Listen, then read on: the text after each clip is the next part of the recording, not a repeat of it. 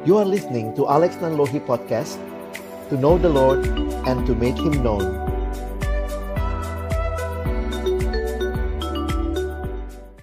Mari kita berdoa.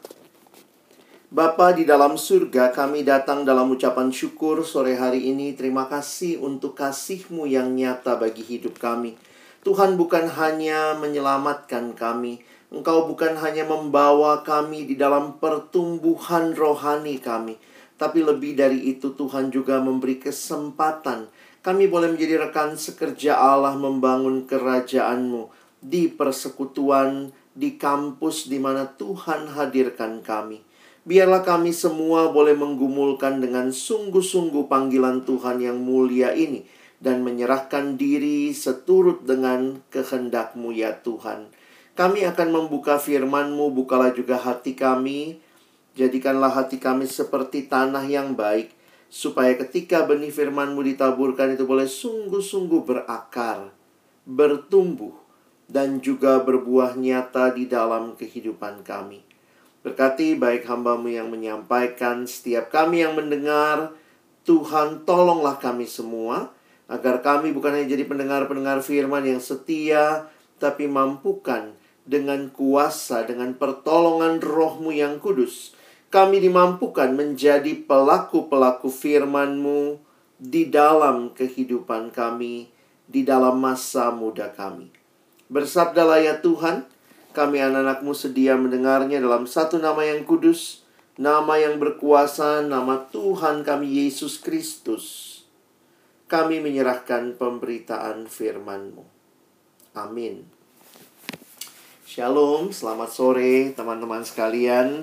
Saya bersyukur kepada Tuhan kesempatan ini Tuhan berikan untuk sama-sama kita boleh menggumulkan ya panggilan Tuhan dalam secara khusus di persekutuan di kampus di mana teman-teman hadir mengenal Tuhan, bertumbuh. Nah, ini Tuhan kasih kesempatan lagi untuk boleh menjadi rekan sekerja Tuhan, menjadi pemimpin-pemimpin KTB. Saya coba share screen teman-teman dan saya ingin kita nanti bisa memperhatikan beberapa hal yang saya ingin bagikan dari topik hari ini. Kita akan bicara mengapa pemuridan harus ada. Oke. Okay. Dan nanti uh, ada tanya jawab ya. Jadi silahkan kalau ada hal-hal yang mungkin kalian ingin klarifikasi atau kalian ingin tanya lebih lanjut karena ini memang topik yang besar. Ya, abang sendiri ngajar kalau di ngajar di STT itu satu semester gitu ya. Jadi sama seperti topik-topik penginjilan, pemuridan itu biasanya menjadi satu mata kuliah uh, du 3 SKS ya. Uh, saya terakhir ngajar semester lalu tentang uh, penginjilan dan pemuridan yaitu uh, satu semester tiga SKS. Jadi tentu waktu yang panjang beda sekali dengan waktu yang singkat harus menyampaikan apa.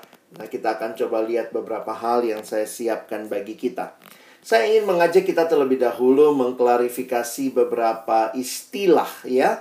Yang menarik adalah saya ingin mengajak kita melihat istilah Kristen ya.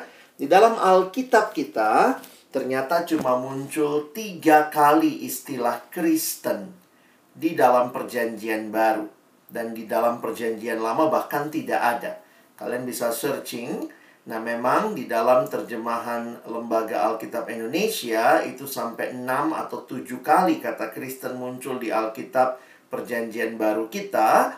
Tapi saya cek di dalam bahasa aslinya itu sebenarnya cuma muncul tiga kali kata Kristen di dalam Alkitab Perjanjian Baru kita. Permunculan pertamanya itu ada di dalam kita hari ini kan bicara murid. Jadi memang jadi pertanyaan kenapa saya jelaskan Kristen? Karena waktu bicara Kristen, murid Kristus, nah apa yang kita mau lihat sama-sama?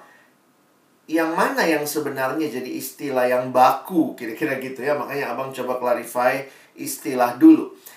Pertama kali istilah Kristen muncul di kisah Rasul 11 ayat yang ke-26. Di sini dituliskan mereka, maksudnya Paulus dan Barnabas, Mereka tinggal bersama-sama dengan jemaat itu, yaitu jemaat Antioquia, satu tahun lamanya. Sambil mengajar banyak orang, di Antioquia lah murid-murid itu untuk pertama kalinya disebut Kristen. Jadi kalau kalian perhatikan di Alkitab, kalian nggak ketemu istilah Kristen di dalam perjanjian baru di Injil misalnya. Nggak ada tuh, ya. Kita baru lihat pertama kali istilah Kristen muncul di Antioquia dan perhatikan tata bahasanya di sini dikatakan disebut Kristen. Jadi nampaknya Kristen adalah nama yang bukan diberikan oleh orang Kristen sendiri, tetapi oleh orang-orang yang melihat mereka, lalu mereka disebut. Nah, itu pasif di situ ya, disebut Kristen. Kenapa ini jadi penting? Nanti teman-teman bisa perhatikan bahwa nampaknya beberapa penafsir uh, melihat bahwa ini bukan sekadar memberi nama, tetapi mungkin juga awalnya adalah ejekan bulian.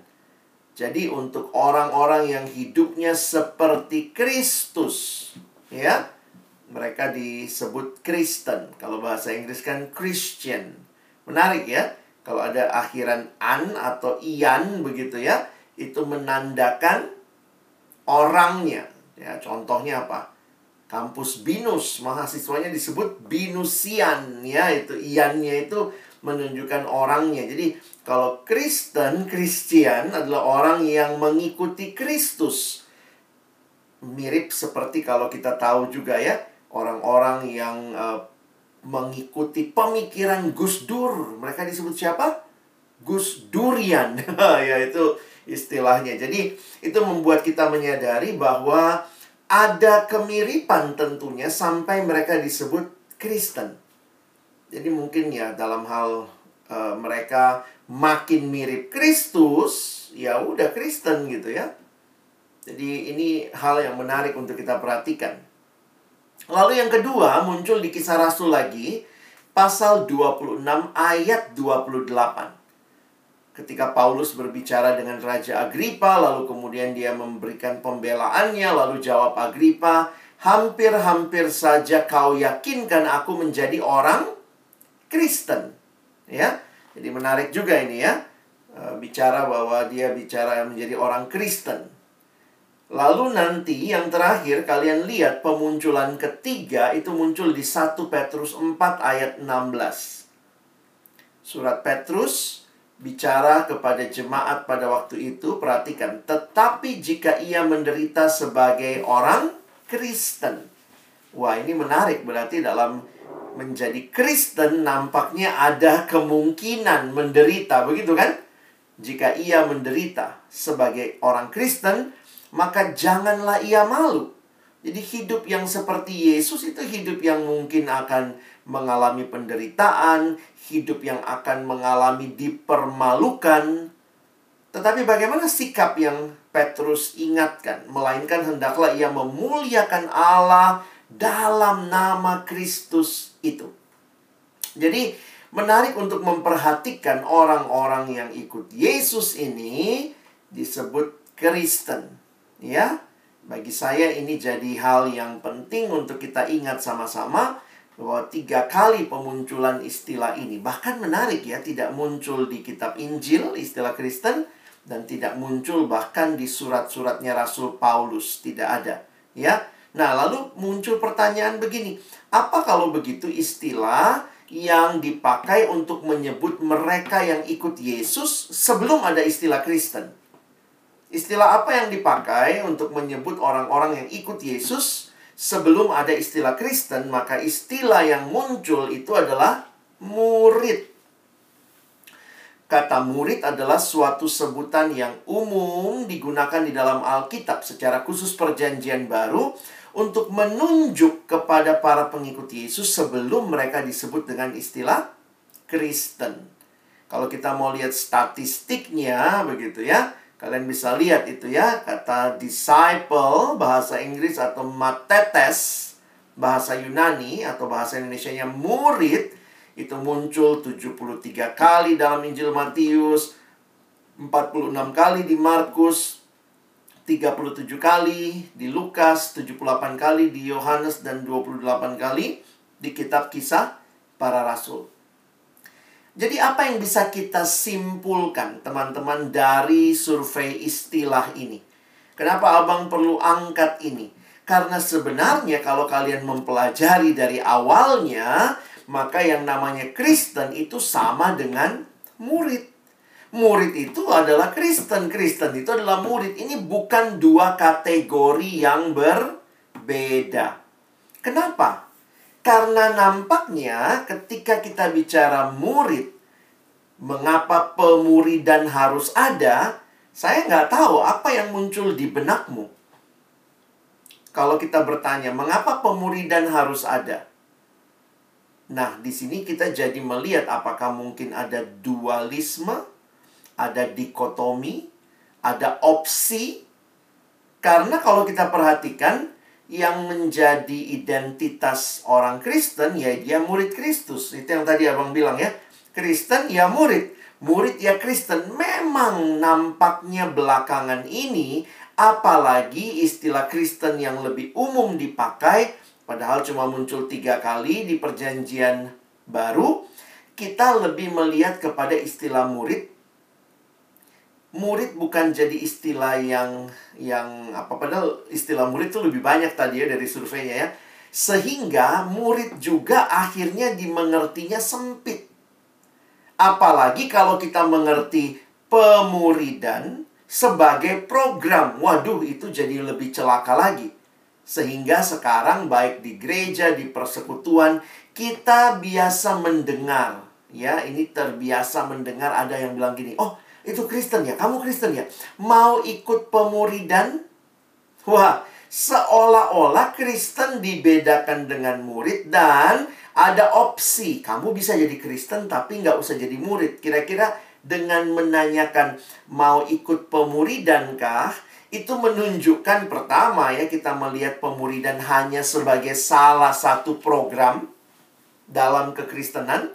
Lalu kemudian kita seolah-olah memberi opsi ya udah kamu Kristen tapi kamu nggak usah ikut pemuridan. Kamu terserah mau ikut boleh nggak ikut nggak apa-apa. Nah ini kan mak makanya saya menjelaskan istilah ini mengkhianati istilah teman-teman. Nggak bisa. Yang namanya murid ya Kristen. Kristen ya murid. Berarti semua Kristen harus jadi murid. Dan semua murid itu adalah Kristen. Hidup Kristus nampak dalam hidup mereka. Jadi sebenarnya pertanyaan dalam sesi ini kalian kalian bikin tema Mengapa pemuridan harus ada? Itu sama dengan mengatakan mengapa orang Kristen harus ada, ya. Karena sekali lagi hati-hati mengerti pemuridan hanya sebagai program. Makanya di dalam sebuah tulisan yang dibuat oleh Dietrich Bonhoeffer, dia mengatakan Christianity without discipleship is always Christianity without Christ. Karena itu sudah satu paket teman-teman ya. Christianity without discipleship is always Christianity without Christ. Bayangkan kalau Christian without Christ. Tinggal apa itu? Ian. Christian without Christ tinggal Ian. Ian stands for I am nothing. Jadi kita nggak bisa bicara kekristenan tanpa bicara pemuridan dan kita tidak bisa bicara pemuridan tanpa mengkaitkan dengan jati diri orang Kristen. Oke? Kita clear di sini ya. Nah, karena itu saya ingin maju lagi lebih jauh. Berarti pemuridan ini sebenarnya idenya siapa? Idenya POK Oh, atau mungkin karena kalian bilang, oh kita banyak kan uh, ini idenya perkantas gitu ya, karena kita pakai buku PA-nya perkantas begitu. Ini bukan ide dari institusi, lembaga, gereja. Ini idenya Tuhan sendiri. Kenapa? Karena Tuhan panggil kita jadi murid, ya Tuhan panggil kita jadi orang yang percaya kepada Dia. Nah, di akhir pelayanan Yesus, mari kita lihat sebentar ayat yang terkenal ini. Matius 28 ayat 19 sampai 20. Teman-teman perhatikan, Yesus berkata di akhir Injil Matius, "Karena itu, pergilah, jadikanlah semua bangsa muridku dan baptislah mereka dalam nama Bapa dan Anak dan Roh Kudus dan ajarlah mereka melakukan segala sesuatu yang telah kuperintahkan kepadamu dan ketahuilah aku menyertai kamu senantiasa sampai kepada akhir zaman. Nah, teman-teman yang dikasihi Tuhan, perhatikan ya. Karena ini namanya amanat agung, saya nggak tahu kita ada ada distorsi pemikiran kadang-kadang ya. Kalau kita dengar kata amanat, bayangan kita apa? amanat pembina upacara ya. Langsung bayangannya seperti itu sehingga menariknya kalau bicara amanat itu posisinya biasanya istirahat di tempat begitu ya. Nah, tetapi kata amanat sendiri sebenarnya punya pengertian perintah. Jadi amanat itu kayaknya beda ya. Amanat itu bukan pesan-pesan. Kalau pesan-pesan mungkin namanya amanah. Amanah pakai H belakangnya ya. Kalau bicara amanat dalam pemahaman kita adalah perintah. Makanya ini disebut amanat agung. Perintah yang agung. Nah, apa yang Tuhan perintahkan? Perhatikan, kalau kita belajar bahasa Indonesia, kalau ada kata perintah, maka biasanya ada akhiran. Akhiran apa tuh? Coba kita cek ini. Ada berapa kata perintah? Karena itu Pergilah. Nah, ini kata perintah ya. Satu. Jadikanlah. Dua. Semua bangsa muridku dan baptislah. Tiga. Baptislah mereka dalam nama Bapa dan Anak dan Roh Kudus dan ajarlah. Empat. Mereka melakukan segala sesuatu yang telah kuperintahkan kepadamu. Dan ketahuilah lima. Enggak ya. Ketahuilah bukan kata perintah ya. Yang yang kata perintah itu cuma empat yang atas. Nah, ini jadi menarik nih. Perhatikan empat kata perintah yang muncul ini. Nah, muncul pertanyaan selanjutnya. Kalau kalian melihat, menelaah dalam bahasa aslinya perintah ini, maka pertanyaan sederhananya begini dari empat kata perintah ini, yang mana kata perintah utama? Karena kalau kalian lihat dalam bahasa aslinya, ternyata ada yang merupakan kata perintah keterangan, sementara ada yang adalah kata perintah yang intinya. Wah, jadi sedikit belajar bahasa Yunani ya. Kadang-kadang kalau kita lihat buat kita ya kalau ditaruh di depan berarti itu intinya pergilah gitu ya. Tapi sebenarnya di dalam bahasa aslinya perintah agung ini yang utama adalah Nah, kalian udah bisa nebak ya. Ternyata yang utama itu adalah jadikanlah murid bagiku. Begitu terjemahan yang lebih tepat. Make disciples of all nations.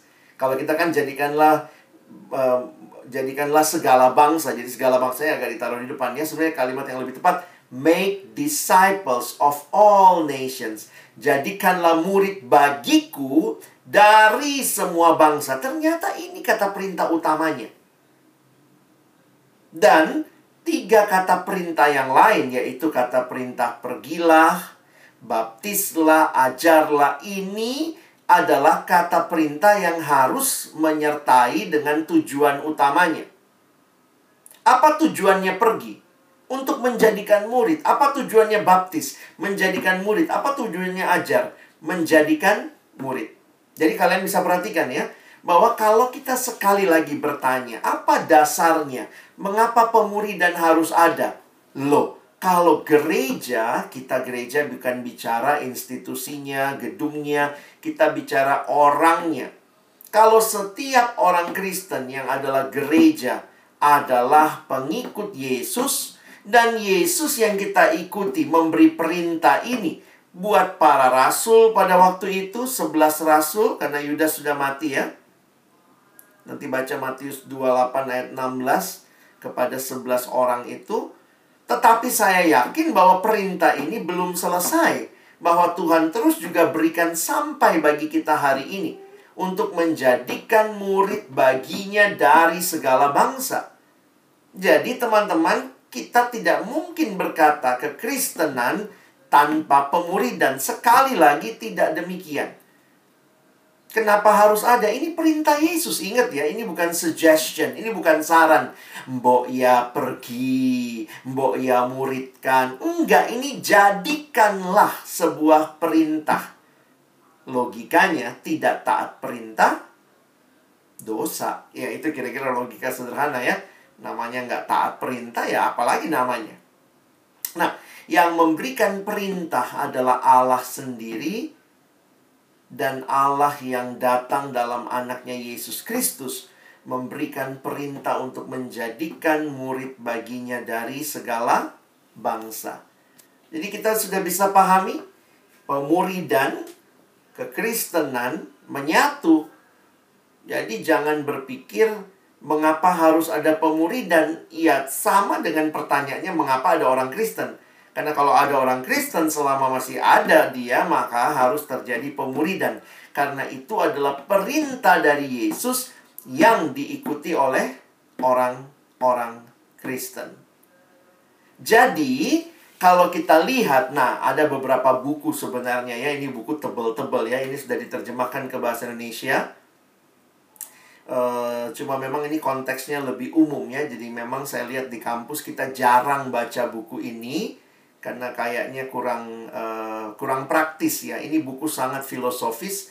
Dia mencoba membahas uh, tentang pemuridan, semua pertanyaan kenapa pemuridan harus ada, apa saja dasar Alkitabnya. Dia bahkan melihat dari sejak perjanjian lama, ya dia lihat beberapa konteks juga yang namanya orang Yahudi itu dia pun melakukan tanda kutip kita bisa bilang seperti pemuridan ya seperti Elia kepada Elisa ya nabi Allah. Nah, jadi di dalam bukunya yang kanan itu terjemahannya ya sudah ada dalam bahasa Indonesia. Kalau kalian tertarik pemuridan silahkan ya. Kalau mahasiswa saya wajib baca ini ya karena bikin papernya nanti dari sini ya. Kan kalian cuma dibikin suruh bikin resume hari ini ya, nggak usah bikin paper ya. Jadi uh, menarik sekali saya tidak terjemahkan karena saya pikir ini lebih uh, lebih pas ya kalau kalian mengerti dalam apa yang disampaikan oleh Bapak Bill Hull ini aslinya dia bilang begini.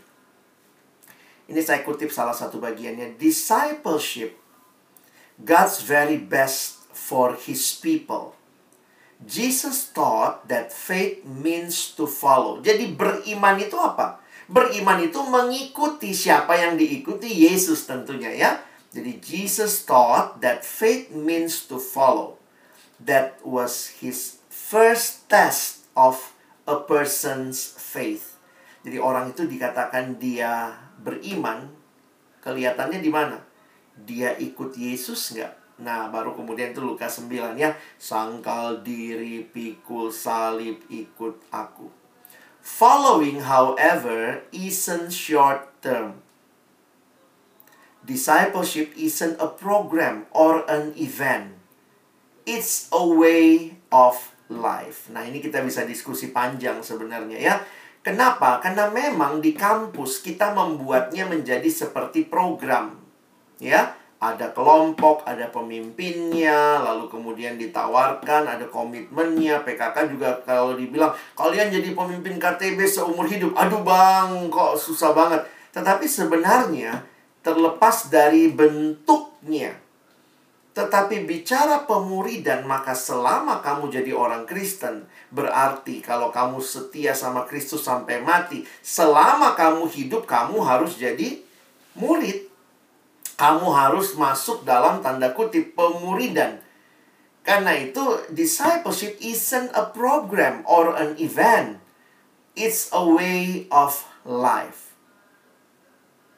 Jadi sesudah nanti kalian tamat pun sudah nggak punya kelompok kecil yang seperti di kampus, kalian tetap harus dimuridkan dan memuridkan itu panggilan diri kita sebagai orang percaya. It's not for a limited time, but for our whole life. Mungkin kalau saya bahasakan begini, program kelompok kecilnya di kampus maybe for a limited time. Tetapi jadi muridnya, that is our whole life. Discipleship isn't for beginners alone. Wah, anak baru masuk kampus, kita masukin kelompok kecil. Kelompok KTB, ada pipanya dulu, terus nanti masuk KTB. Discipleship isn't for beginners alone. It's for all believers for every day of their life. Berarti buat saya, buat kalian yang pengurus, kalian yang CPKTB, kalian yang sudah pegang KTB, jangan berpikir ini cuma program untuk anak kecil. Kalau kita mengertinya sebagai program, maka kita bisa lihat ada targetnya mahasiswa 2021. Tapi kalau kita lihat hidupnya, ini buat kita semua sampai kita ketemu Tuhan.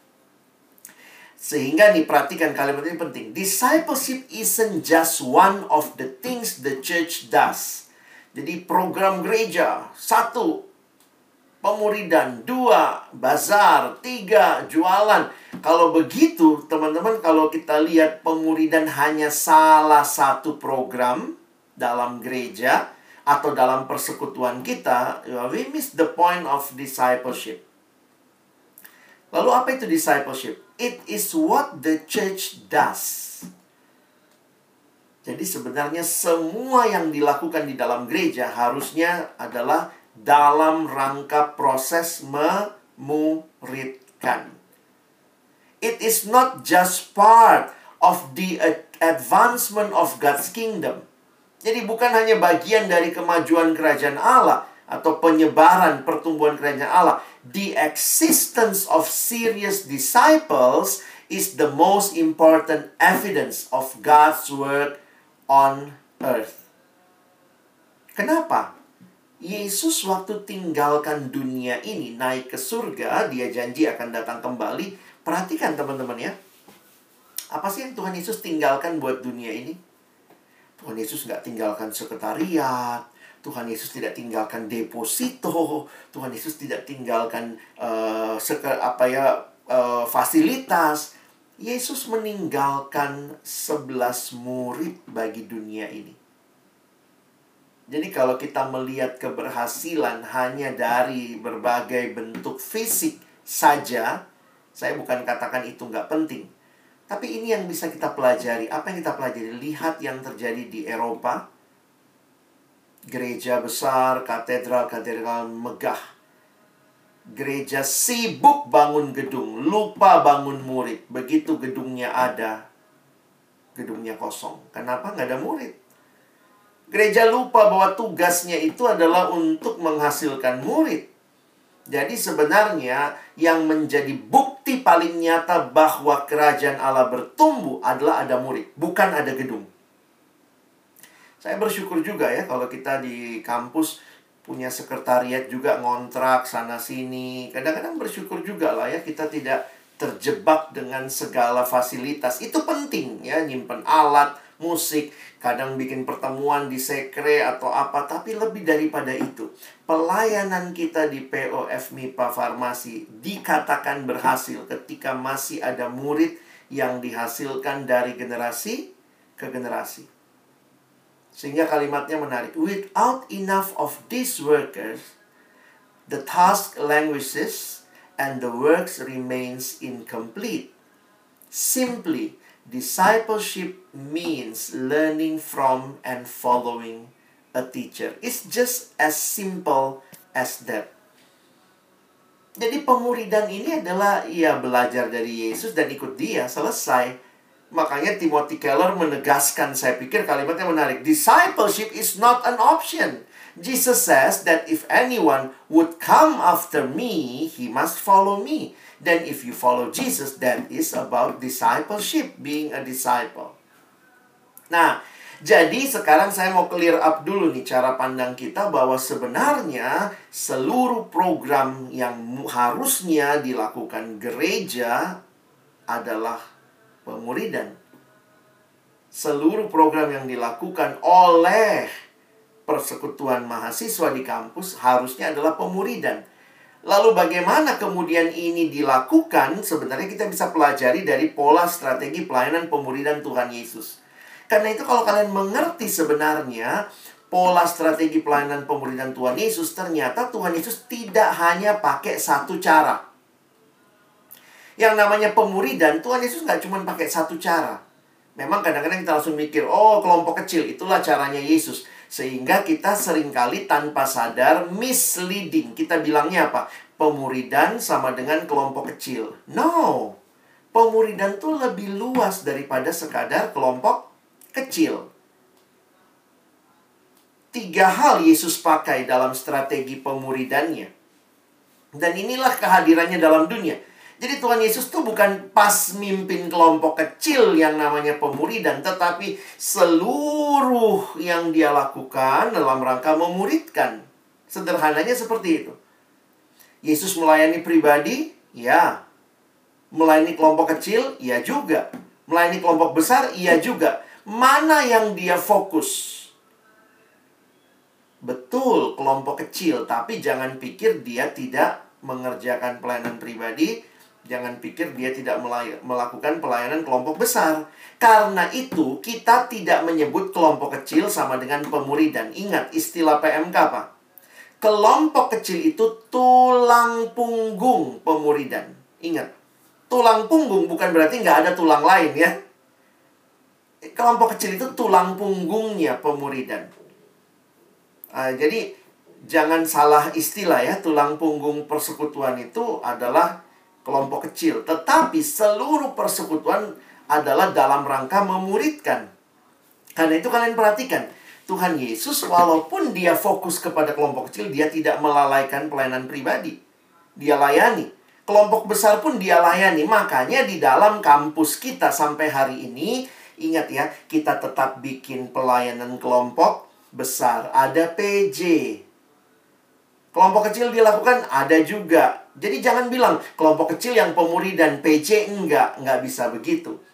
Makanya kalau jadi anak kelompok kecil, saya harus ingatkan juga ini soalnya banyak kecenderungan begini. Sekarang senengnya datang kelompok besar aja, tapi nggak mau dibina di kelompok kecil. Ya itu mau bilang apa ya? Tapi di sisi lain ada anak yang senangnya cuma di kelompok kecil, nggak mau datang kebaktian besar. Saya pikir itu juga jadi misleading ya. Demikian juga pelayanan pribadi. Kalau kalian lihat pelayanan pribadi yang Yesus lakukan, itu juga pelayanan yang menyentuh ya hidup Nikodemus. Dia melayani juga kepada uh, siapa? Kepada perempuan Samaria. Jadi waktu uh, dia nggak bilang sama perempuan Samaria ya, waktu datang ke pinggir sumur, beri aku minum. Terus waktu perempuan itu membalas, Yesus nggak bilang, eh enggak, enggak, enggak, enggak boleh ngobrol sama saya.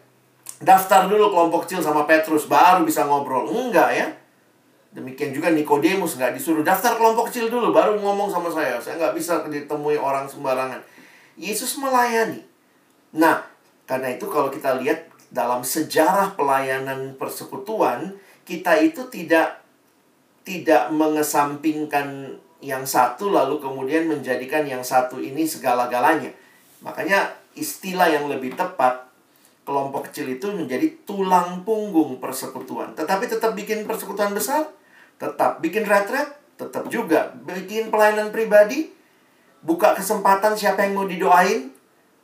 Iya dong, kadang-kadang kan gitu ya. Teman-teman yang ingin didoakan boleh kontak ya. Ini nomornya, pengurus akan jaga rahasianya Kan nggak bilang gini, teman-teman yang mau didoain ikut kelompok kecil dulu ya. Cuman yang ikut kelompok kecil yang akan kami doakan. Nggak begitu kan? Kalian layak lakukan pelayanan pribadi. Nah, ini harus jelas. Kenapa? Nah, ini dengar ya. Mungkin abang akan sedikit membukakan juga buat kalian. Kalau kelompok kecil menghambat untuk menghasilkan murid, karena ada konteks tertentu yang terjadi, maka jangan berhenti memuridkan. Saya sedih sekarang ya kalau ditanya ya. Makanya saya nggak tahu nanti kalian coba evaluasi. Berapa kelompok kecil yang jalan dengan baik di masa pandemi ini? Beberapa persekutuan itu pakai uh, apa? Beberapa pemimpin KTB itu pakai pola begini. Kalau nggak datang satu nggak jadi kelompok kecil. Jadi bisa tuh ya satu semester hari ini minggu ini yang ini nggak datang, minggu depan gantian yang ini nggak datang. Jadi satu semester ternyata nggak pernah jalan, nggak pernah bahas bahan. Kalau ketemu cuman sharing doang. Kenapa? Iya bang, yang satu nggak datang. Jadi kadang-kadang saya mikir gini, kalau kelompok kecil itu menghambat pemuridan, jangan pola kelompok kecil yang dipertahankan. Nangkep nggak maksud abang? Lakukan pelayanan pribadi. Bang, aku punya empat anak bang. Dua serius, dua lagi enggak. Kalau kamu mempertahankan kelompoknya, saya takutnya yang serius jadi nggak serius karena Tiap kali datang nggak jadi ya dek hari ini dua temenmu nggak datang nggak jadi ya dek. Kadang-kadang saya pikir kalau memang sulit dan tidak ada komitmen akhirnya kita mungkin melayani pribadi. Boleh nggak pelayanan pribadi? Ya nggak apa-apa juga kan dalam tujuan pemuridan. Memang nggak ideal. Kita maunya kelompok kecil, tetapi kalau kelompok tidak bisa berjalan dengan baik, jangan berhenti memuridkan. Nangkap maksud abang? Kadang-kadang kita terjebak sama kelompoknya. Karena kita pikir satu-satunya cara menghasilkan murid adalah dengan kelompok kecil. Nggak juga. Dan banyak sekali alumni persekutuan sampai jadi alumni pun terjebak dalam konsep ini. Jadi ada satu alumni datang sama saya, ini abang cerita aja apa adanya ya. Satu alumni datang sama saya bilang, Bang Alex cariin saya kelompok kecil dong bang, saya butuh komunitas nih. Betul ya, saya juga carikan dia. Tapi ternyata anak ini kerjanya tuh nggak seperti orang lain. Dia kerjanya shift-shiftan. Kadang masuk jam 7, pulang jam 2. Jam 2 dia ambil kuliah S2. Jadi jam 4 dia mulai kuliah. Lalu kemudian kadang-kadang dia ambil shift siang, dia masuk jam 2, pulang jam 8 malam. Kadang-kadang dia masuk shift 3, masuk jam 4 sore, pulang jam 11 malam. Jadi itu jadwalnya keluarnya mingguan. Nah, siapa alumni yang bisa satu kelompok sama dia yang jadwalnya berubah terus? Jadi waktu itu dia bingung, Bang, gimana ya? Saya bilang, tunggu ya, saya cariin kelompok. Cari, cari, cari, nggak ada yang klop sama dia. Terus saya tawarin, Dek, gini aja. Kalau mau bertumbuh, mau nggak kita KTB aja berdua ya? Sesuai namanya, KTB, kelompok tumbuh berdua ya.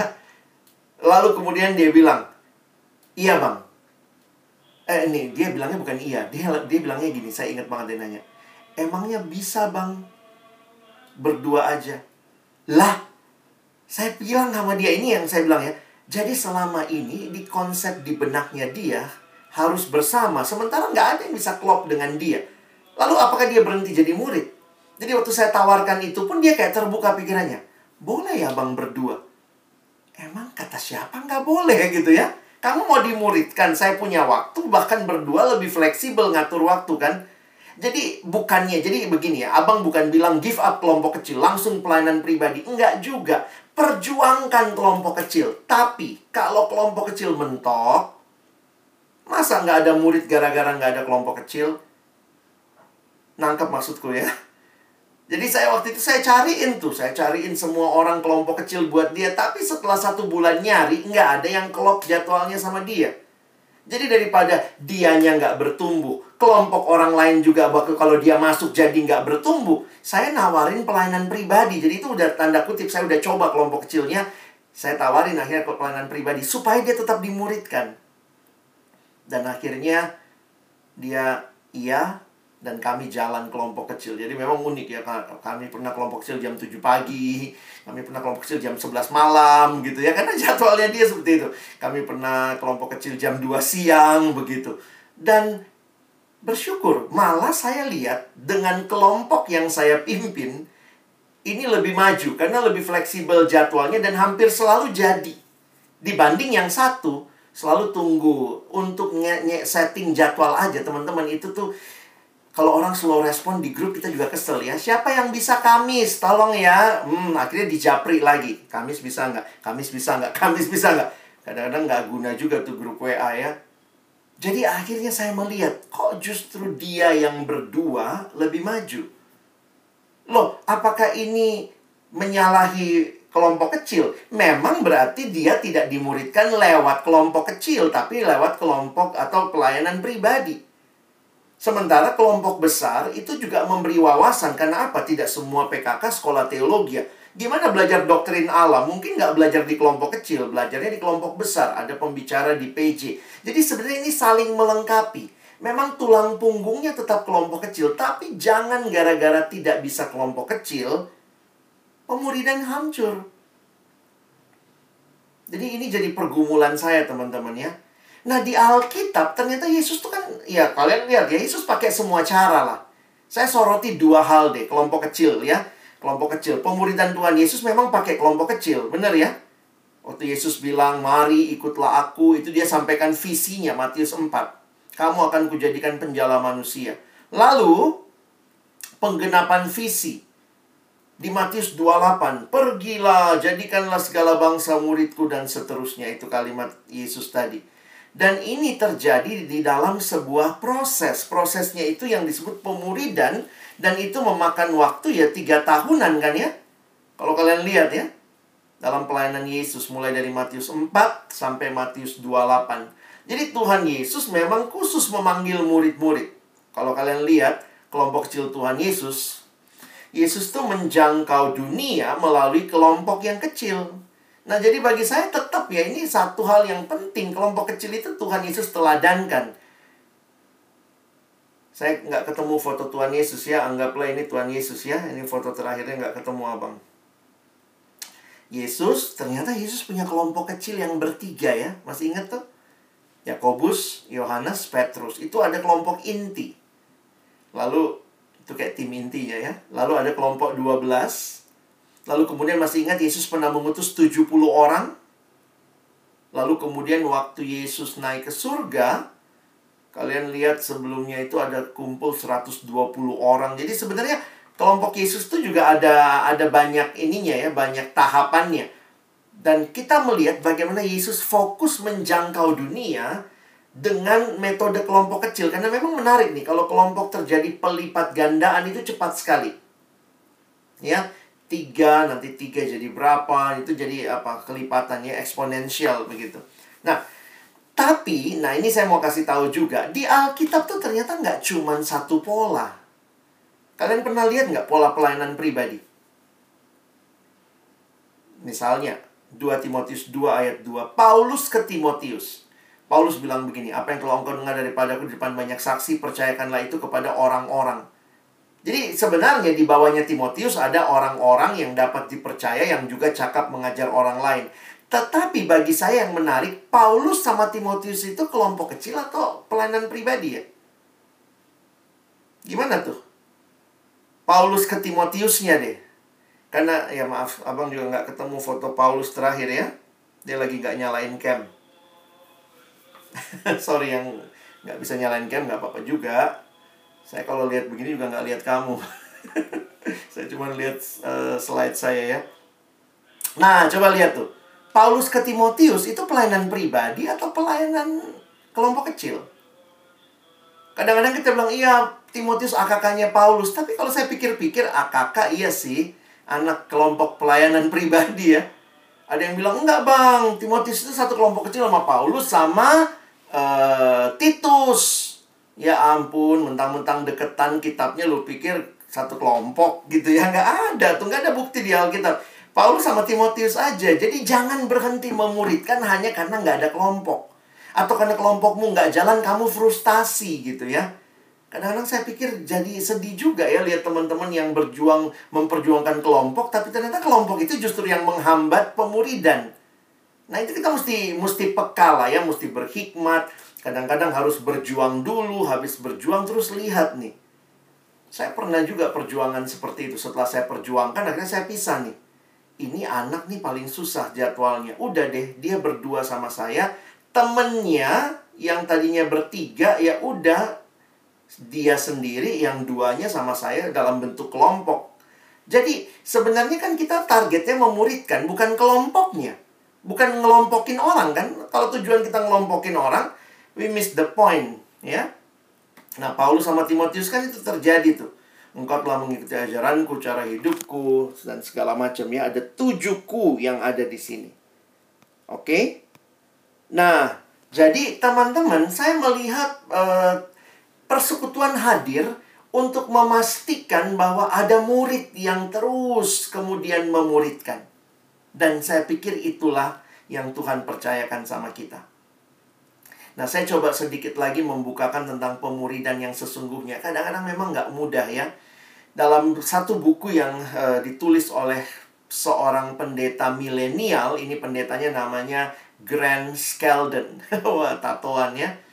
Nah, si Grant Skeldon ini nulis buku The Passion Generation. Saya pikir ke depan kalian sebaiknya baca buku ini ya kalau ditanya buku apa bang untuk PKK, untuk generasi ini, saya pikir ini ya. Kami sudah terjemahkan bukunya di Google Playbook ada juga.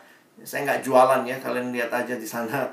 Intinya buku ini bagi saya cukup memberikan pemahaman tentang pemuridan. Jadi akhirnya saya juga jadi menyadari ya kalau pemuridan itu yang kita lakukan jangan-jangan kita terjebak dalam program memang. Betul sih ya harus ada ada programnya, kadang-kadang ada evaluasinya, ada seksi kakaknya. Tapi eh, takutnya akhirnya begitu kalau sudah nggak di kampus, udah deh nggak pemuridan lagi.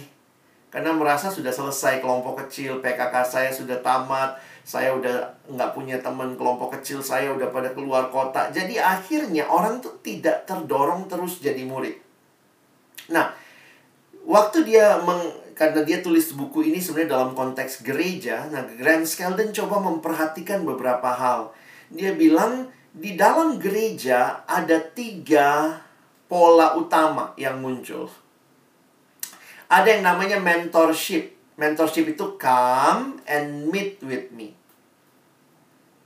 Saya agak takut juga sebenarnya. Kelompok kecil kita tuh kayak mentorship sebenarnya ya. Seminggu sekali kumpul, bahas bahan. Itu kayak les. Kalian pernah jadi guru les? Datang, kumpul, come and meet with me. PKK gitu ya. Minggu depan kita zoom lagi ya. Oke. Ya, kita belajar Alkitab ya. Nanti uh, kalau yang lain mungkin kita belajar mata kuliah ya. Tapi ini kalian, kita belajar Alkitab ya. Itu kayak mentorship Butuh mentorship, butuh. Dalam gereja juga butuh. Dalam pelayanan butuh mentorship. Tapi most of church events itu come and listen to me. Jadi kadang-kadang cuma satu arah. Ya, come and listen to me. Tapi discipleship, Jesus yang Yesus lakukan, dia katakan come and follow me. Oh, jadi menarik tuh. Berat, berarti sebenarnya pemuridan itu, teman-teman itu bukan cuma bagi bahan ya, kalau mentorship mungkin bagi bahan, tapi memang pemuridan itu masuk kepada bagi hidup. Nah, dalam bukunya dikasih contoh ada seorang yang datang kepada pendeta, anak muda. Nah, pinter juga anak muda ini ya, karena pendeta-pendeta kan sukanya sibuk ya. Lalu anak muda ini datang kepada pendeta lalu bilang gini, "Pak pendeta, tolong muridkan saya." Coba kalau kamu jadi pendeta atau ada mahasiswa datang ke PO MIPA Farmasi, "Bang, tolong muridkan saya." Yang kita bayangkan apa? Masukin kelompok kecil kan? Itu selalu bayangan kita kan? Ya karena memang kita tahunya program utama kita dalam memuridkan di kampus adalah kelompok kecil. Nah jadi ini pendetanya dia cerita ya waktu datang anak muda ini Pak pendeta tolong muridkan saya Lalu pendetanya bilang sebentar dia cek jadwal Lalu Pak pendetanya bilang aduh nak jadwal saya full sekali Lihat ini, saya udah banyak sekali kelompok yang saya pimpin. Waduh, habis waktu saya. Saya nggak bisa memuridkan kamu. Terus anak itu bilang, bisa nggak pak kayak Yesus aja? Hah? Apa tuh kayak Yesus? Saya nggak minta Bapak cariin jadwal buat saya di agenda Bapak. Saya minta Bapak masukkan saya ke agenda Bapak. Wow, itu yang Yesus lakukan ya. Come and follow me. Jadi sebenarnya Yesus itu mengajak orang masuk ke kehidupannya gitu.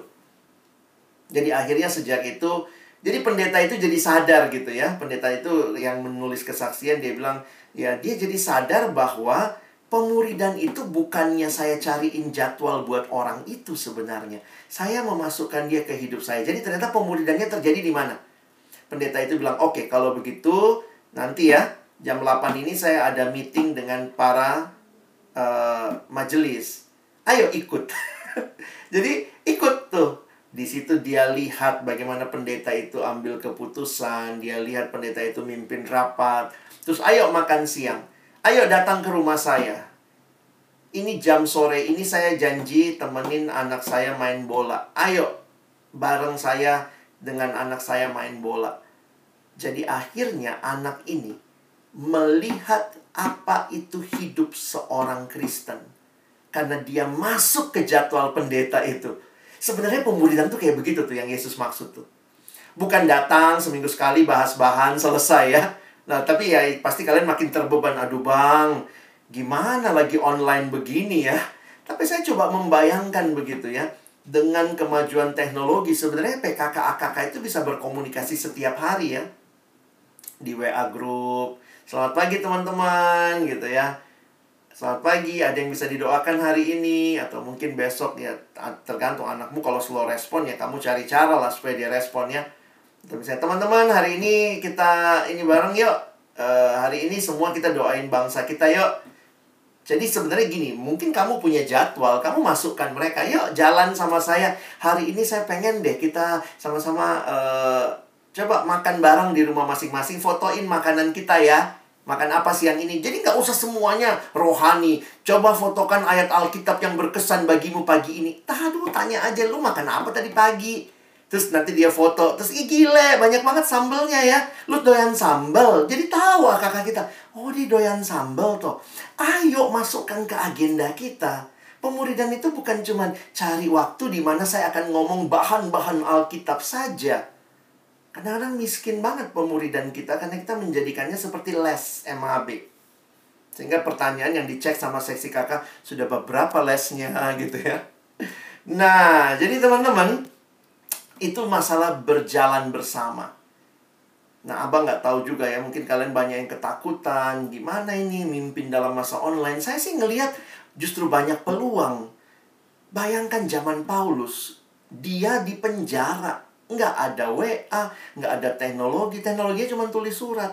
Tulis surat, mungkin tulis surat itu sampai dua bulan kemudian, lalu yang sana bales kabarnya lagi dua bulan lagi.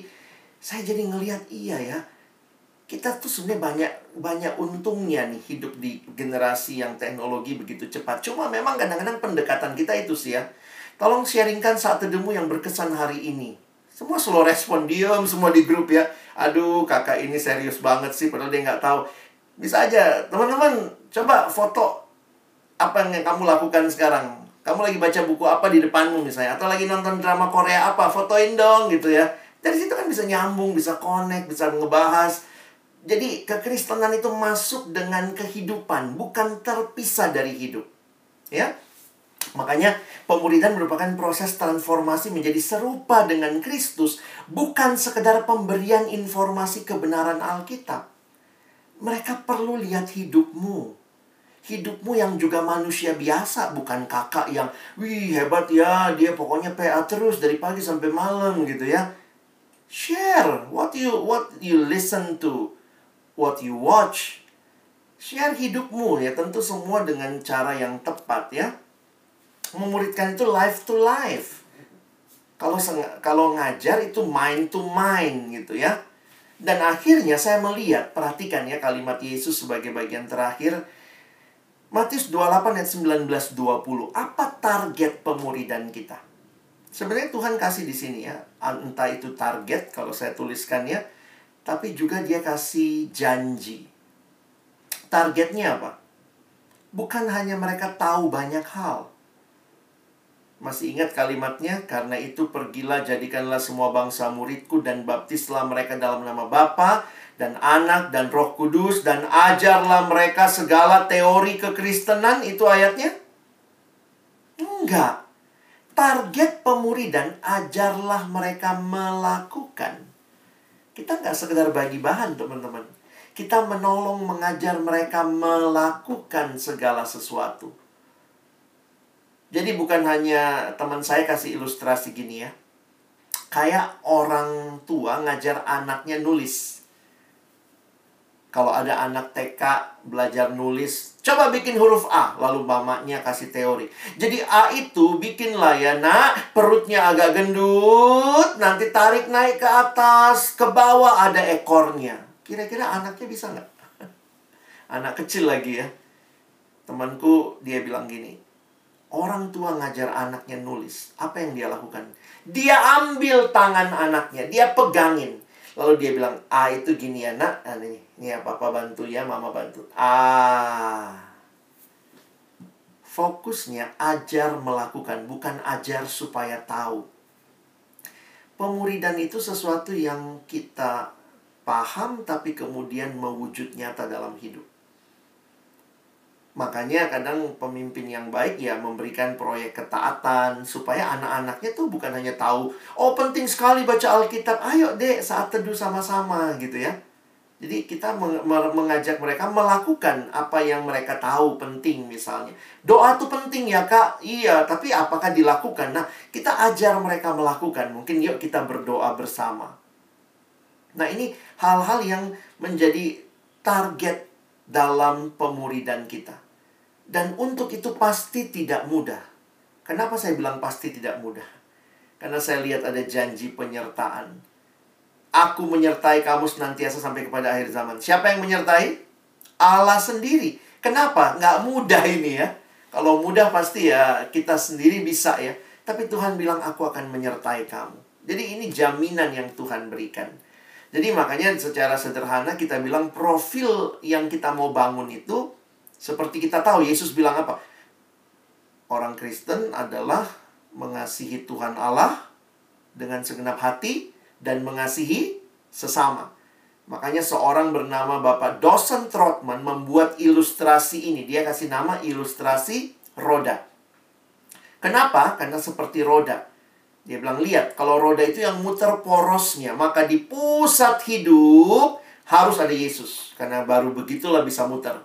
Ya, Lalu kemudian dia melihat dua hal. Kasihilah Tuhan Allahmu. Vertikal, hubungan vertikal harus dibangun. Dan kasihilah sesamamu manusia, hubungan horizontal. Hubungan vertikal, saya ngomong sama Tuhan namanya do, doa. Tuhan ngomong sama saya lewat firman. Benar ya? Nah, yang horizontal dia bagi dua. Dengan sesama orang percaya, ke dalam kita harus rajin bersekutu. Keluar kita yang sudah diselamatkan, menikmati anugerahnya, menikmati persekutuan, harus bersaksi bagi mereka yang belum percaya. Makanya, biasanya di dalam kehidupan pemuri dan di kampus, kita secara sederhana membangun ini dalam diri adik-adik yang kita bimbing. Makanya ada bahan, ya kayak yang kita pakai, misalnya MHB. MHB itu filosofi dasarnya ini kan yang mau dibangun. MHB bab 1, apa yang dibangun? hidup baru. Harus ada Kristus di pusat hidupmu. Kristus di pusat hidup. Makanya itu MHB bab 1. Bab 2. Pentingnya firman. Hmm, pentingnya saat teduh. Bab 3. Pentingnya doa. Bab 4. Diperdalam firmannya. Pentingnya PA. Bab 5. Bersekutu dengan sesama orang percaya Bab 6, bersaksi dengan orang-orang yang belum dengar kabar baik. Kan sederhana. Murid itu apa? Mengasihi Tuhan, mengasihi sesama. Apa yang dia lakukan secara sederhana? Dia baca firman, baca kitab suci, doa tiap hari kalau mau, tumbuh. Sesudah itu bersekutu, bersaksi. Makanya di generasi abang, orang sudah bisa jadi PKK. Ini kalau generasi kami banyak aturannya sudah boleh jadi PKK kalau sudah sampai bab 7 MHB. Kenapa? Karena bab 7 itu dia sudah lewat semua ini dan bab 7 bicara tentang mengetahui kehendak Allah. Karena kan dia ditawarin jadi pemimpin KTB. Coba bisa bergumul nggak? Dia perlu teorinya dulu kira-kira. Makanya seperti itu. Karena bab-bab lain, bab 10 itu mah tambahan ya. Formasi hidup dasar yang dibangun dalam pemuridan adalah ini. Ya, Abang tutup dengan dua slide ini ya. Jadi, tugas pemuridan adalah tugas untuk meletakkan kualitas dasar seorang murid, yaitu tadi profil murid. Jadi, baik kamu yang sudah PKK, pemimpin KTB, kamu yang pengurus, kamu yang sudah jadi saya misalnya sudah jadi hamba Tuhan, jadi staff, tetap kami murid harus bangun terus ini kan. Ini bukannya oh anak baru aja yang begini. Enggak. Mungkin anak baru masih berjuang jatuh bangun di saat teduh. Bagaimana dengan kita yang sudah lama bersaat teduh? Mungkin saat teduh kita sudah masuk lagi dalam tahap yang lebih jauh. Sekarang saya journaling misalnya. Saya catat apa yang saya dapat dalam saat teduh. Mungkin dulu doa masih sekali-sekali. Sekarang saya punya jam doa pribadi, ada hal-hal yang didoakan. Jadi sebenarnya kan tidak ada yang berubah. Saya tetap baca kitab suci, doa, kalau mau tumbuh tapi semakin dalam. Kenapa? Sudah semakin lama jadi orang Kristen. Masa anak semester 1 sama semester 7 sama ilmunya pasti kan lebih dalam yang semester 7. Makanya secara sederhana pertumbuhan rohani kita terus bertumbuh dalam kualitas murid dalam diri orang-orang yang dibimbingnya untuk selanjutnya pertumbuhannya bersama dengan Allah dan orang-orang percaya lainnya. Karena itulah kita terus meneruskan ini ya, murid yang memuridkan. Nah, karena salah satu program tulang punggung pelayanan kita adalah KTB, kelompok kecil, maka kita menyiapkan teman-teman jadi pemimpin KTB untuk terus meneruskan pemuridan yang adalah perintah Yesus sendiri. Dan kita sama-sama berjuang dan ingat, kalaupun kamu sudah alumni, jangan berhenti bertumbuh. Bagaimana bertumbuh setelah alumni? Silakan banyak caranya. Cari orang-orang yang bisa mementor kamu, yang bisa jadi uh, pemimpin mungkin pelayanan pribadi. Jadi saya ketemu juga ada alumni yang gini. Abang bisa nggak ketemu ya? Jadi saya pernah bimbing anak yang, abang bisa nggak ketemu setiap tiga minggu? Waktu dia mintanya gitu, tiap tiga minggu bang bisa nggak bimbing saya? Jadi tiga, tiap tiga minggu sekali saya ada pertemuan uh, intens sama dia. Uh, waktu itu kami belajar mentoring, lalu saya mementor dia ya. Jadi setiap tiga minggu sekali kita kumpul berdua. Eh sebenarnya bukan ber, bukan kumpul ya dia alumni kita, alumni UI, lalu dia ada di Amerika dan dia minta waktu itu dia dia belajar teori uh, mentoring. Bang, aku butuh mentor. Abang bisa mentor aku nggak? Saya bilang oke. Okay. Mentornya kira-kira berapa kali nih? Dia bilang e, bisa nggak bang? E, kalau dari jadwal kira-kira saya lihat tiga minggu sekali bang. Oke. Okay. Jadi tiga minggu sekali dia telepon saya dari Amerika tuh jadi kami ngobrol di telepon. Jadi misalnya saya akan tanya ya. Jadi misalnya saya akan tanya, bagaimana kerohanianmu? Apa yang terjadi? Ada dosa-dosa yang kau lagi nikmati kah? Jadi dia terus memberi diri untuk terus bertumbuh. Dia tahu bang, udah susah dapat kelompok kecil kayak waktu kuliah dulu ya. Oke. Nah sampai hari ini kami masih sering ketemu dalam mentoring pribadi. Uh, dan itu itu jadi kebiasaan kami. Jadi kami memang dalam satu KTB, tetapi karena memang kedekatan itu kami tetap ada mentor pribadi yang kapan dia butuh uh, dia telepon saya dan kita ngobrol. Dan itu bisa langsung dalam ngobrolnya karena sudah banyak uh, relasi tabungan relasi gitu. Baru satu bulan ini seorang alumni datang juga bang bisa tolong bang. Saya senang sangat butuh didampingi didoakan.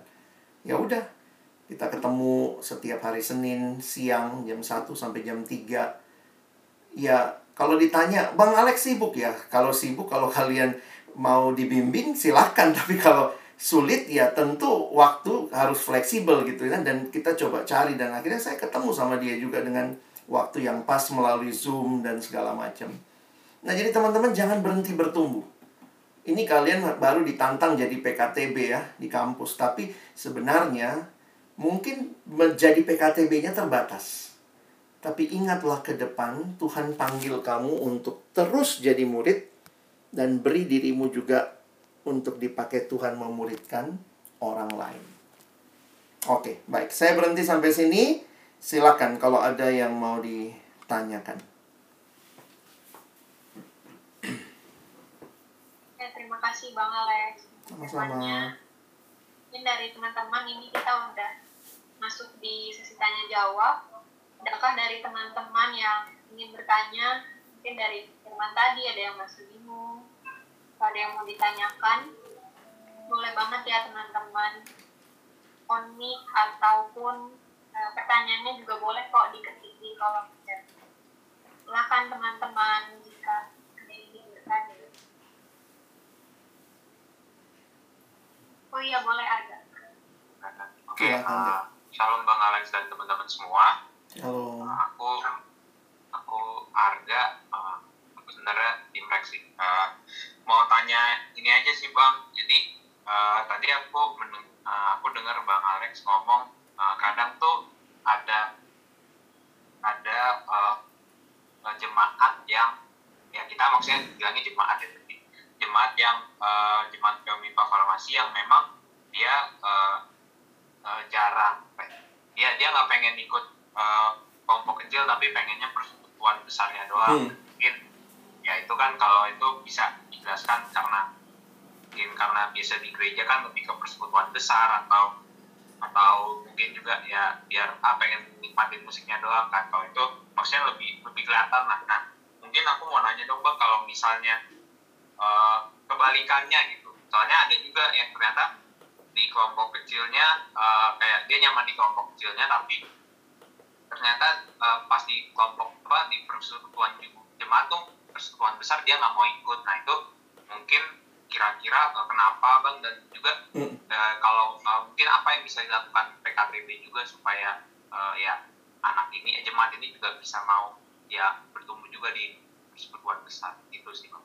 Iya thank you dek saya juga angkat itu tadi karena saya lihat itu juga jadi beberapa gejala walaupun mungkin belum banyak tetapi ada yang seperti itu dengan alasan dia lebih senang kelompok kecilnya Sebenarnya memang begitu ya, kelompok kecil yang baik tentunya memberikan orang juga kenyamanan, rasa aman, keterbukaan, dia berani sharing gitu ya. Tetapi kalau kita mengerti orang yang makin bertumbuh, maka dia juga akan menyadari pentingnya persekutuan.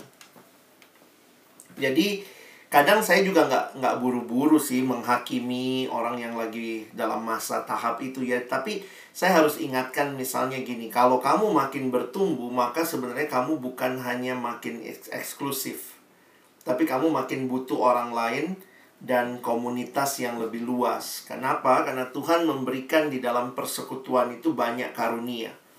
Kalau di Efesus misalnya diingatkan ya, eh, Allah memberikan penginjil-penginjil, pemberita Injil maksudnya ya, pengajar-pengajar untuk memperlengkapi orang kudus. Nah, jadi ya itu yang saya harus uh, ingatkan bahwa dalam tahapan pertumbuhan dia, nah saya pikir itu juga yang harusnya di dalam kelompok-kelompok kecil ditekankan. Ditekankannya sederhananya begini ya, kan kalau kita bahas misalnya bab 5 MHB tentang hidup bersama, saya pikir kita juga perlu menantang begitu ya. Misalnya, uh, kenapa ya nggak suka datang atau misalnya ada anak-anak kalau khususnya kita yang di kampus ya kenapa gerejanya masih pindah-pindah GKJJ bang aku gereja Kristen jalan-jalan tiap minggu. Kalau offline itu jalan ke tempat orang. Sekarang juga begitu kali ya. Ya ikutin semua yang dia suka gitu. Nah jadi sebenarnya makin dia paham harusnya dia makin bisa melihat pentingnya kesatuan pertumbuhan dan itu butuh waktu. Dan dia juga butuh ditolong sama firman sih. Jadi maksudnya gini loh, teman-teman kalau lihat ada anak KTB-nya yang seperti itu, uh, ya coba digali juga, diajak ngobrol. Saya pernah ketemu juga, ah males bang ke gereja, munafik semua itu. Saya bilang, iyalah, masuklah tambah satu orang munafik juga kayak kau gitu ya. Maksudnya, kadang-kadang orang tuh ngelihat selalu orang lain nggak baik gitu. Tapi sebenarnya ya itulah, kita perlu ngajarin bahwa gereja tidak ada gereja yang sempurna. Tetapi Tuhan panggil kita bergereja. Nah, tapi di sisi yang lain saya juga harus katakan begini ya. Jangan-jangan yang rajin datang juga itu banyak yang punya konsep yang tidak tepat. Jadi memang yang tidak datang itu juga pasti ada masalah dengan entah konsepnya atau keberatan dia. Tapi yang datang juga jadi masalah. Kenapa? Khususnya kalau lihat pola bergereja, sekarang tuh banyak banget orang bergereja gaya konsumerisme. Saya dapat apa nanti? Saya dapat apa nanti? Makanya memang kita kan susun program, coba berikan yang terbaik, kadang-kadang kita bikin yang menarik begitu ya. Tapi memang hati-hati ini generasi yang selalu bertanya saya dapat apa.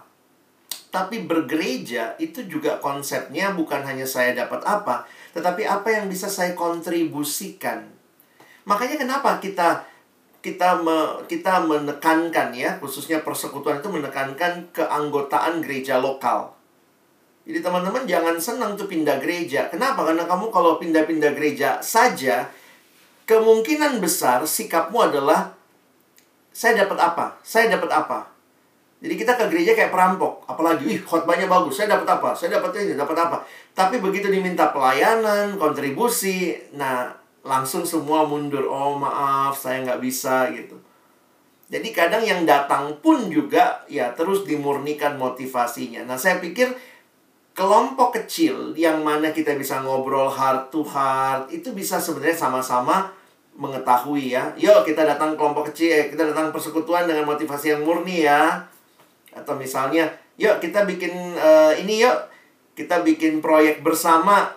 Tapi proyeknya adalah kita dengar firman minggu ini, terus kita pikirin nih mau bikin proyek apa. Jadi kita ajak teman-teman kita untuk uh, datang sama-sama. Jadi jangan kehabisan akal, tapi juga jangan cepat-cepat menghakimi. Gali alasannya, dan kemudian ya kita dorong dia untuk melihat panggilan Tuhan juga di dalam persekutuan besar ya. Jangan menjauhkan diri dari pertemuan ibadah. Ibrani 10 ayat 25. Mungkin itu harga. Terima kasih Bang Alex. Sama-sama. Jelas kalau ada. Oke, thank you Arga dan thank you juga Bang Alex. Mungkin uh, dari teman-teman kalau masih ada yang ingin bertanya, bisa mungkin satu atau dua lagi. Apakah ada yang masih dibingungi mungkin atau teman-teman punya pandangan-pandangan yang masih kayaknya ragu nih benar atau enggak tentang pemuritan boleh banget ditanya di saat ini. Tunggu ya teman-teman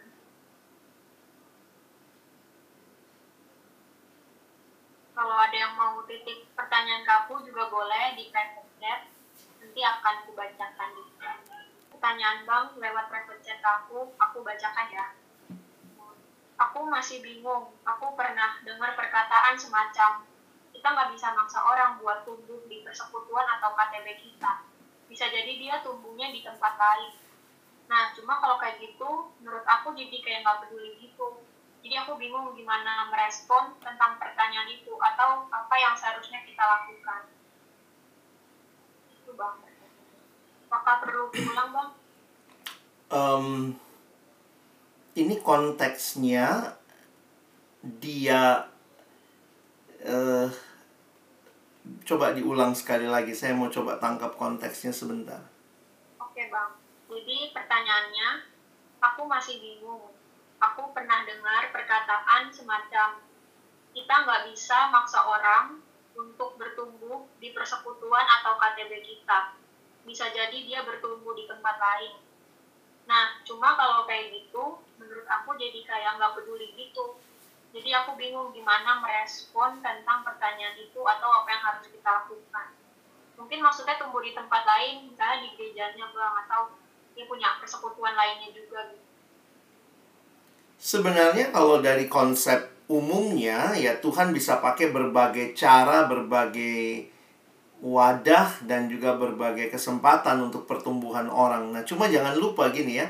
Kalau kalian di kampus me, me, mengajak dia kelompok kecil, harusnya kan ada komitmen ya. Berarti kan dia siap untuk mel, apa ya dibina di kampus ya. Jadi saya agak bingung di mana paksaannya ya.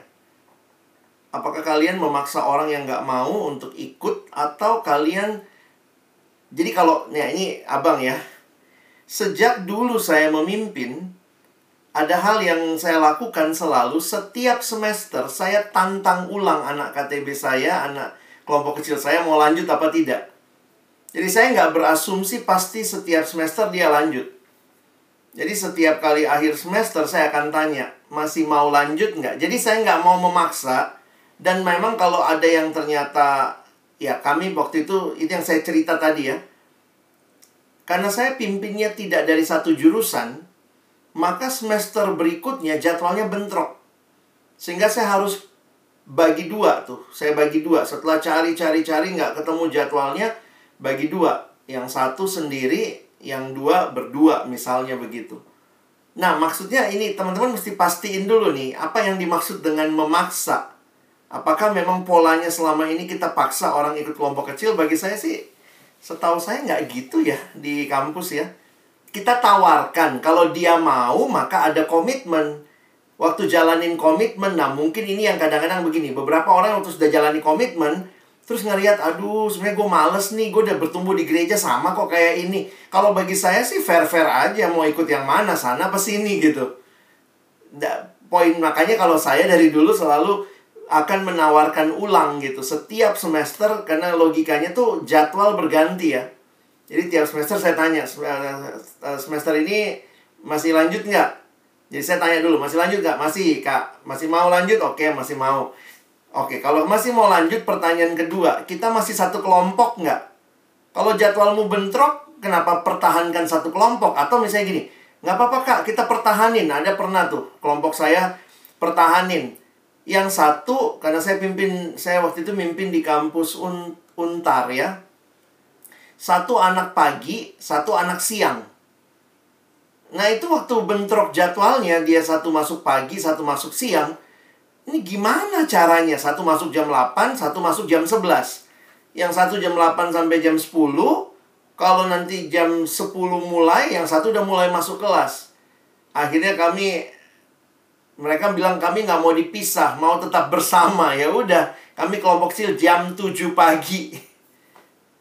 Jadi maksudnya, eh, sorry, yang satu masuknya jam 9 ya, 9 sampai 11. Jadi kami kelompok kecil jam 7 pagi tuh. Saya ingat, nah maksudnya teman-teman jangan maksa. Karena bagi saya, nah masalahnya gini. Kadang-kadang orang tidak ngerti apa itu kelompok kecil, main ikut aja. Begitu udah masuk baru merasa kejebak gitu ya. Nah mungkin itu kali Nah, saya jujur aja agak menebak apa yang dimaksud dengan memaksa ya. Mungkin kalau ada cerita yang bisa dikelirkan ke saya, mungkin bisa kali. Oke, terima kasih Bang untuk jawabannya. Hmm. Apakah cukup menjawab? Oh, sudah katanya. Oke, sudah ya.